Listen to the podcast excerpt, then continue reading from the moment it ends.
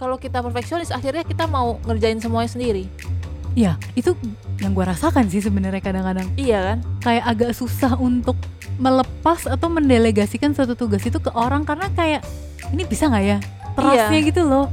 even Iya dulu kan? delegasikan lu akan merasa ini kurang nih kurang nih Nah, kurang bener, nih. bener, bener, ini bener. kurang ini kurang itu kurang ini akhirnya lu exhausted sendiri Hai Champs, welcome to the Champ Points Podcast. Podcast ini akan banyak bercerita tentang isu-isu yang relate banget dengan gue, Lauren, dan Dre yang akan menemani kalian untuk ngobrolin tentang kehidupan anak muda seperti self-help, self-development, dunia bisnis, trends, kreativitas, dan juga isu-isu terkini. Enjoy the podcast!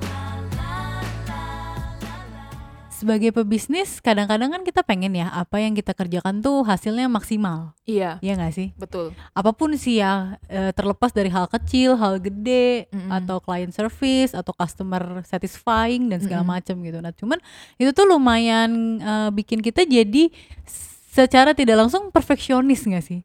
bisa bisa, Bisa ya. Nah, menurut lo sendiri tuh penting nggak sih untuk sebagai pebisnis tuh harus perfeksionis ataukah malah sebenarnya turns out di ketika kita menjalankannya gitu ya malah nggak Aha. bisa gitu loh. Gimana menurut lo? Hmm, interesting. Menurut gua sih selama pengalaman hidup gua, Iya iya. Gua maunya perfeksionis sih. Pasti, pasti lah. pasti. Mm-mm. Apalagi kalau lu punya bisnis sendiri, Iya dong. itu udah kayak anak lu kan. Oh iya, bener-bener. anak yang lu bangun Bener. dari nol, iya gak sih? Udah pasti lu sayang dong. Mm-mm. Udah pasti lu mau fully take care dong. bener. Tapi setuju. kenyataannya ketika kita jadi perfeksionis, itu jadi masalah buat kita sendiri loh. Hmm, kenapa tuh? Kalau dari sisi lo? Kalau dari si gue pengalaman gue tuh kalau kita perfeksionis akhirnya kita mau ngerjain semuanya sendiri. Ya, itu yang gua rasakan sih sebenarnya kadang-kadang Iya kan? kayak agak susah untuk melepas atau mendelegasikan suatu tugas itu ke orang karena kayak ini bisa nggak ya? Trustnya gitu loh. Even Iya dulu kan? delegasikan lu akan merasa ini kurang nih, kurang nih, Ah, kurang bener, nih. bener, bener, Ini bener. kurang ini, kurang itu, kurang ini. Akhirnya lu exhausted sendiri. Bener, capek, terus kerjaannya juga belum tentu terdeliver dengan maksimal kan semuanya Betul. jadi delay, delay, delay gitu Iyo, nggak sih? Jadi numpuk Lama, lama, bener. jadi lama, nggak jalan-jalan, iya. muter aja di bener, situ. bener, bener, bener. Jadi kadang-kadang Hmm. setelah gua ngalamin ya, maksudnya ngejalanin gitu, nggak boleh sih, nggak boleh Hmm. perfeksionis sih. Tapi juga ya jangan juga kayak asal-asalan sih ya. Hmm. Namanya kita lakuin bisnis, service, produk, semua kita harus kasih yang terbaik kan. Iya, iya, iya. Cuman ketika kita perfeksionis dari kita doang secara pribadi, itu akan jadi masalah sih. Hmm. Contohnya? Contohnya, Gimana contohnya? contohnya Biar misalnya lebih kebayang nih ya Cem semua yang dengerin soalnya. bener juga sih. contohnya misalnya kalau kita bikin konten deh, Hmm, ya bikin simple ya, konten, bikin simple gitu.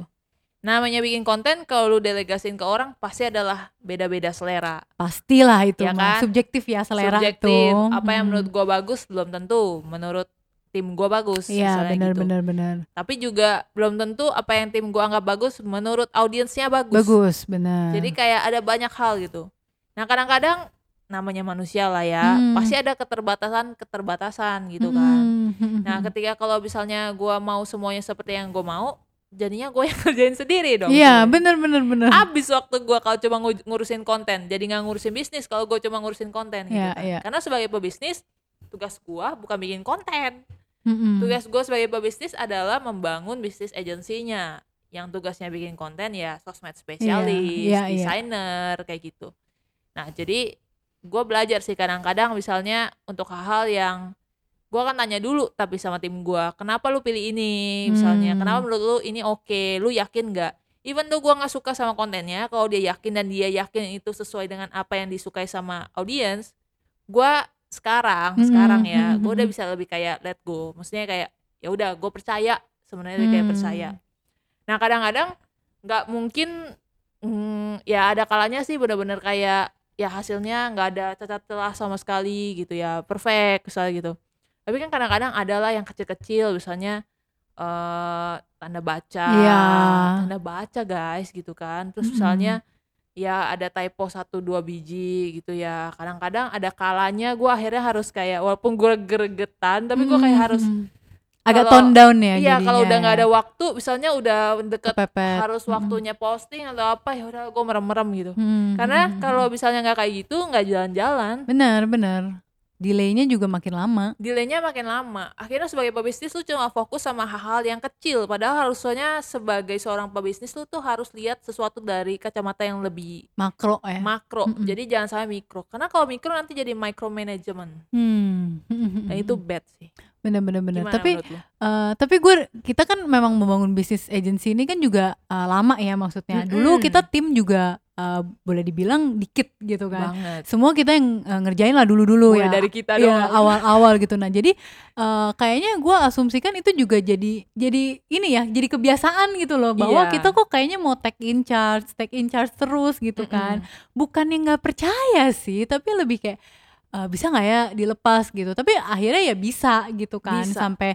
akhirnya kita menemukan tim yang cukup solid gitu. Terus dia juga memberikan kredibilitas dari hasil kerjaan yang juga sangat bagus. Jadi sehingga Mm-mm. kita bisa mikir hal-hal yang semestinya ya kita pikirin gitu loh. Bener. Secara makro bisnis tuh eh, seperti apa gitu kan. Ya mungkin kita boleh untuk manage tapi lebih kayak manage report aja gak sih maksudnya kayak laporan gitu. Terima laporan ini udah Betul. beres, ini kita tinggal lihat gitu. Tapi nggak perlu yang sampai kayak ya tadi bikin konten atau Iya. ngerjain hal-hal teknis gitu kan. Karena harusnya itu didelegasiin buat tim aja sih. bener mungkin cara kita untuk manage itu Mm-mm. dengan membangun sistem Hmm, setuju, salah setuju. satu tanggung jawab terbesar pebisnis menurut gua adalah membangun sistem yang bagus Mm-mm, mm-mm. ketika pebisnis sudah bangun sistem yang bagus harusnya secara layer-layernya itu akan berjalan dengan baik gitu Hmm, tapi memang misalkan ya bisnis apa pun ya menurut gua kayaknya nggak mungkin sampai ownernya tuh Turun harus tangan turun ya? tangan sampai yang paling kecil banget karena Hmm, itu akan membuat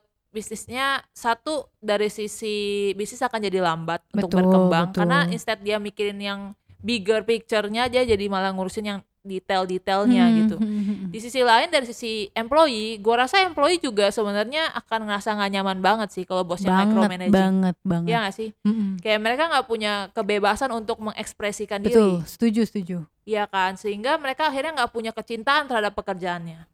Iya gak sih? Mm-mm. karena waktu kita sebelum jadi entrepreneur juga kita kan jadi employee gitu kan Mm-mm. dan ya mungkin ada lah dari kita beberapa pernah ketemu sama bos atau atasan yang cukup micromanaging gitu jadinya Bener. kita mau ngapa-ngapain tuh takut gitu gak sih kayak Iya.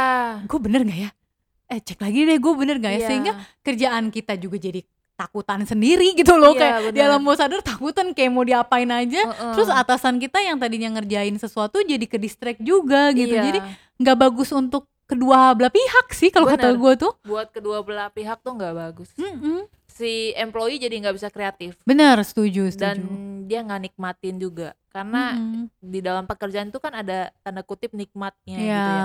Lu mengerjakan apa yang menjadi passion lu kayak benar tadi benar eh, episode sebelum-sebelumnya kita sempat bahas tentang, tentang passion, passion gitu. ya, ya. Ada bagian dari passion yang yang memang matters dalam pekerjaan juga kan gitu. Jadi kalau misalkan dia hanya jadi robot suruh Ya. lakuin A B C D E dia pasti jenuh. jenuh jenuh terus udah gitu kan kayak eh, balik lagi ya ke episode sebelumnya kita bilang kerja itu harus punya makna Bener. ketika dia berkarya dia satisfied dia puas dong Iya. tim kita terus dia akan lebih mau oke gue mau achieve higher lagi deh gitu Bener. nah tapi kalau kita terlalu micromanaging sebenarnya jadi ah males ah udah ikutin aja lah maunya dia kayak gimana Iya.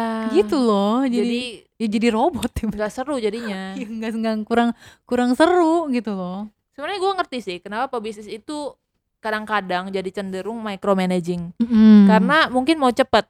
bener bisa jadi ya salah satu Ada situasi ya. Situasi di mana kayak ya udah kalau gue harus kayak ngajarin lu dulu, nunggu lu Hmm, berkembang dulu, gue lama lama, ya, nih, gue iya, nggak iya, keburu iya. waktu gue nih, gitu Iya, kan. iya, iya, iya. Iya kan, cuman Mm, mm, mm. eh plus minus jadinya tetap aja kalau lu kayak gitu mungkin lu cepet tapi lu nggak berkembang besar akhirnya Mm, cepetnya mm, cuma Semu muter-muter di ya. situ aja gitu. Iya ya, atau kayak misalnya tuh sebenarnya eh, mungkin kalau yang dari service gitu ya, kayak misalnya dia buka resto atau kayak kita agency, misalnya kita terima komplain dari siapa, dari customer lah ya ibaratnya, terus kita jadi mau nggak mau micromanaging lagi gitu, itu juga bisa sih Bener terjadi sih. itu. nah di kita yang sudah kita lakuin ya Hmm, Ren ya hmm, kita hmm, itu lebih memilih untuk empower empowering our employee sih. Iya, bener bener bener. Kita perlengkapin employee kita ta- dengan skill-skill yang memang mereka butuhkan sehingga Iya. mereka bisa lebih maksimal lagi dalam pekerjaan. betul betul. Menurut gua lebih baik perfect bukan perfeksionis sih, tapi maksudnya uh, excellent-nya itu lahirnya tuh dari mereka bukan dari kita gitu. Mm-mm, mm-mm. Pengennya juga mereka soalnya nanti kan akan bertumbuh dan jadi satu entity yang uh, berkembang juga gitu. Jangan kitanya doang berkembang tapi mereka secara individual personal growth-nya juga nggak ada kan sayang. Bener. Gue juga ngerasa gitu. Setiap employee itu menurut gue secara pribadi, secara pribadi masing-masing mereka harus berkembang sih. Gue lebih baik nih punya employee terus kemudian dia misalnya contoh dibajak lah sama perusahaan lain gitu yang lebih besar dan lebih lebih Bener, gede. Terus dia dapat job yang lebih bagus, naik naik karir dan segala macam. Gue lebih merasa berarti gue udah lakuin tugas leadership gue dengan baik karena gue udah membuat orang ini tuh kualitasnya level up. Stay tune dan jangan lupa follow IG kita di @champoints.